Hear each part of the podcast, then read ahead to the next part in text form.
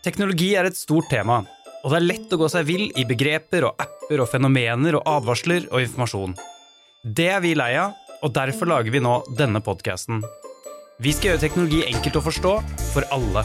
Velkommen til Telia enkelt forklart. I dag skal vi snakke om appsikkerhet.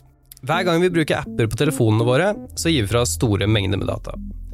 De fleste apper behandler dataene våre trygt og sikkert, men de siste årene har vi sett flere eksempler på apper som bruker data på måter som bryter med grunnleggende hensyn til både personvern og personlig sikkerhet. Hva skjer egentlig med all dataen vi gir fra oss? Og burde vi alle bli litt mer opptatt av hva den brukes til, og hvordan? For å forklare dette enkelt har vi med oss deg, Andres Pantel, du er sikkerhetssjef i Telia. Velkommen. Takk for det. Først og fremst, hvorfor samler disse appene inn data når vi bruker dem, og hva kan all denne informasjonen brukes til? Ja, altså det er eh, flere ulike årsaker hvorfor det samles inn, men eh, ofte så markedsfører appene med at eh, de skal bruke dette til målrettet informasjon.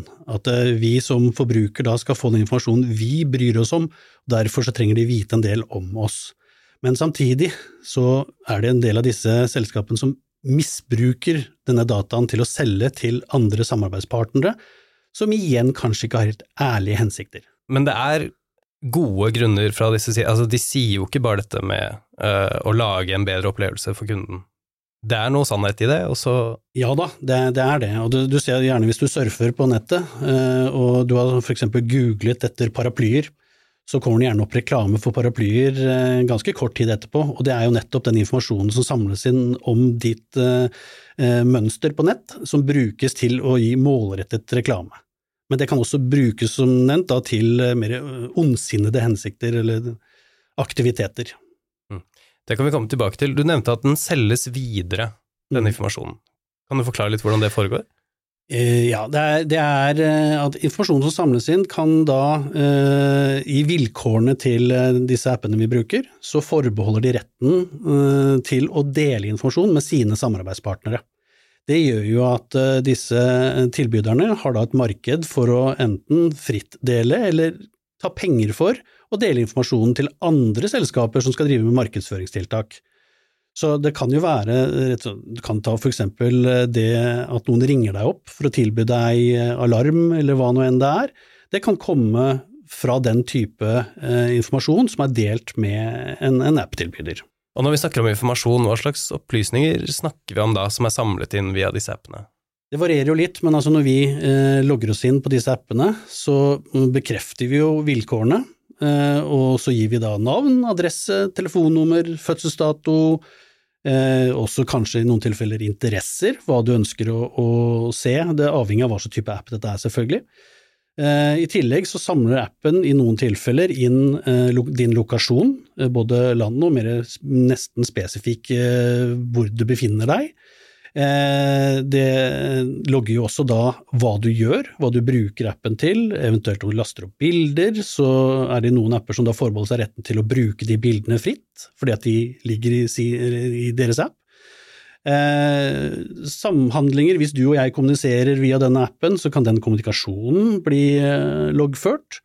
Og igjen da plukke ut kan du si, kodeord som igjen da brukes til markedsføring, for eksempel. Så det er, det er, ganske mye, altså alt du bruker appen til kan i teorien inn, samles inn og brukes til et eller annet. Og det er det som er utfordringen, vi, vi vet ikke hva den blir brukt til. Kan man gjøre noe for å ikke gi fra seg all den dataen? Altså har man noe valg egentlig, hvis man har lyst til å bruke disse tjenestene? Nei, man blir litt fanget, man gjør det. Eh, og sånn er det med alt, alt fra Apple-produkter til eh, Samsung-produkter. Du, du, godkjenner da deres vilkår. Så valget her er egentlig eh, bruke eller ikke bruke, eh, godta at man samler i den informasjonen.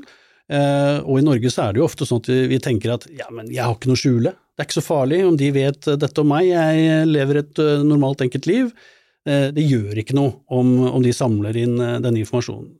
Og det utgangspunktet er kanskje helt riktig, men igjen, når vi ikke vet nøyaktig hva informasjonen blir brukt til, Eh, eventuelt i senere tid, eh, si i en krisesituasjon, krigssituasjon, så vet vi ikke om denne informasjonen kan bli da brukt imot oss.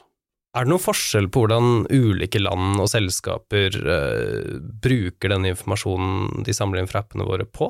Det er vanskelig å si, men du, du har jo noen eksempler eh, hvor vi ser at det, er, det mistenkes at det er statlige aktører som, som eh, har en sær interesse eh, til å kartlegge da, eh, en lands eh, innbyggere, og hva de gjør og hva de ser. Eh, og Vi ser også at i noen tilfeller, i Ukraina-krisen f.eks., så kan det være et tenkt scenario er at man kan påvirke innbyggernes syn på f.eks. den eh, krisen som pågår i Ukraina. Og at vi da i eh, de ulike sosiale medieappene vi har, får opp eh, propagandainformasjon som er målrettet mot at vi ønsker å være motstander eller tilhenger av det som skjer. Så det, det er et eksempel på hva, det, eh, hva en statlig aktør kan utnytte til. Før vi gikk inn her, så, så, snakket vi om et ganske godt eksempel på dette med nettopp at informasjonen selges videre. Mm. Um, kan ikke du forklare litt uh, dette caset, som på en måte illustrerer uh, spredningen da, denne mm. dataen får etter at den først er lagret inn hos én aktør, og så brukes da som en vare, som du snakket om i stad? Eh, Forbrukerrådet og Nemonic har gjort en undersøkelse av noen apper, og, de eh, dro en beskrivelse av en eh, kjent datingapp eh, som hadde 19 samarbeidspartnere som de delte informasjon med. En av disse 19 hadde igjen på sin side eh, 170 samarbeidspartnere som de delte informasjon med. Og en av disse 171 hadde 4259 samarbeidspartnere så det er et ganske stort antall samarbeidspartnere som, du, eh, som din informasjon blir delt med når du godtar vilkårene til én enkelt app. Og dette er ett enkelt eksempel. Eh, så det, varierer det, og det er ikke alle appene hvor man har eh, deler informasjon med 4000, det må understrekes. Så dette er i noen særtilfeller. Men det er nok ikke noe unikt for denne datingappen å ha dette oppsettet. Og det må også legges til at det, informasjonen blir da spredd over hele verden. Dette er ikke nødvendigvis da selskaper som holder til i Norge eller Norden, men det kan være selskaper på tvers av eh, alle landegrenser. Er dette vilkår som det går an å lese seg til? Ja, hvis du har god tid, så, kan du det.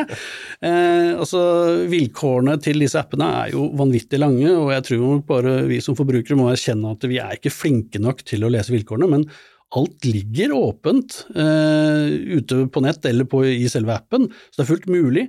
Uh, men det tar veldig mye tid, og som sagt, altså hvis du skal lese da vilkårene til 4000 forskjellige uh, leverandører for å forstå hele omfanget, så bruker du ganske mye tid på det. da er det lite sannsynlig at vanlige mennesker vil gjøre det. Og det er vel ofte lett å anta at de fleste har rent mel i posen. Altså man tenker jo på at dette er seriøse aktører, og at dette sikkert går fint. Ja da, og de fleste er seriøse, og det, det er ikke meningen å skape en sånn frykt for, eh, for, applikasjonene på telefonene våre, men det er mer å skape en bevissthet om at uh, vi selv må foreta en vurdering av verdien av det vi deler. Ta et konkret eksempel, vi var inne på dette med uh, TikTok. Stortinget har uh, lagt ned forbud mot at uh, deres medlemmer skal bruke TikTok, basert på en vurdering som er gjort av Nasjonal sikkerhetsmyndighet. Uh, og det er jo fordi at TikTok deler veldig mye informasjon. de innhenter veldig mye informasjon, både automatisk og, og i forhold til informasjon man legger inn selv.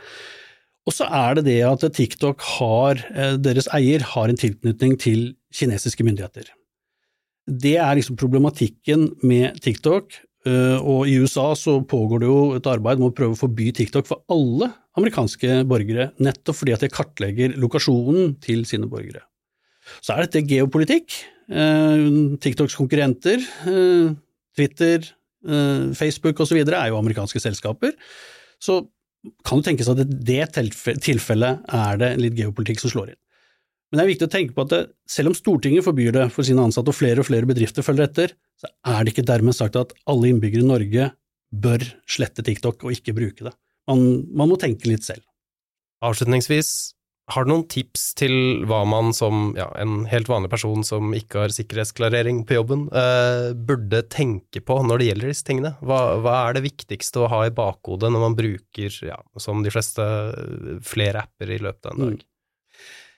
Igjen så er det dette med bevisstheten. Eh, tenk på hva du har av informasjon du deler, vær bevisst på hva du deler. Eh, det går an, i settingene på telefonen også, å skru av f.eks. for eksempel at appen krever tilgang til mikrofon.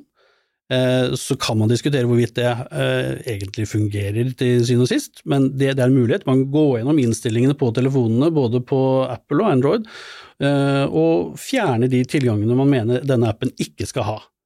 Eh, så det ville jeg gjort, og generelt sette seg inn i vilkårene, i hvert fall ha en liten forståelse eh, av hva, hva, det er man deler, og tenke gjennom trenger jeg å dele dette her? Så kan vi også nevne at eh, Nasjonal sikkerhetsmyndighet, NSM, de har også kommet med sine råd om mobilbruk, som man kan finne på NSM sine nettsider. Det var app-overvåkning, enkelt forklart.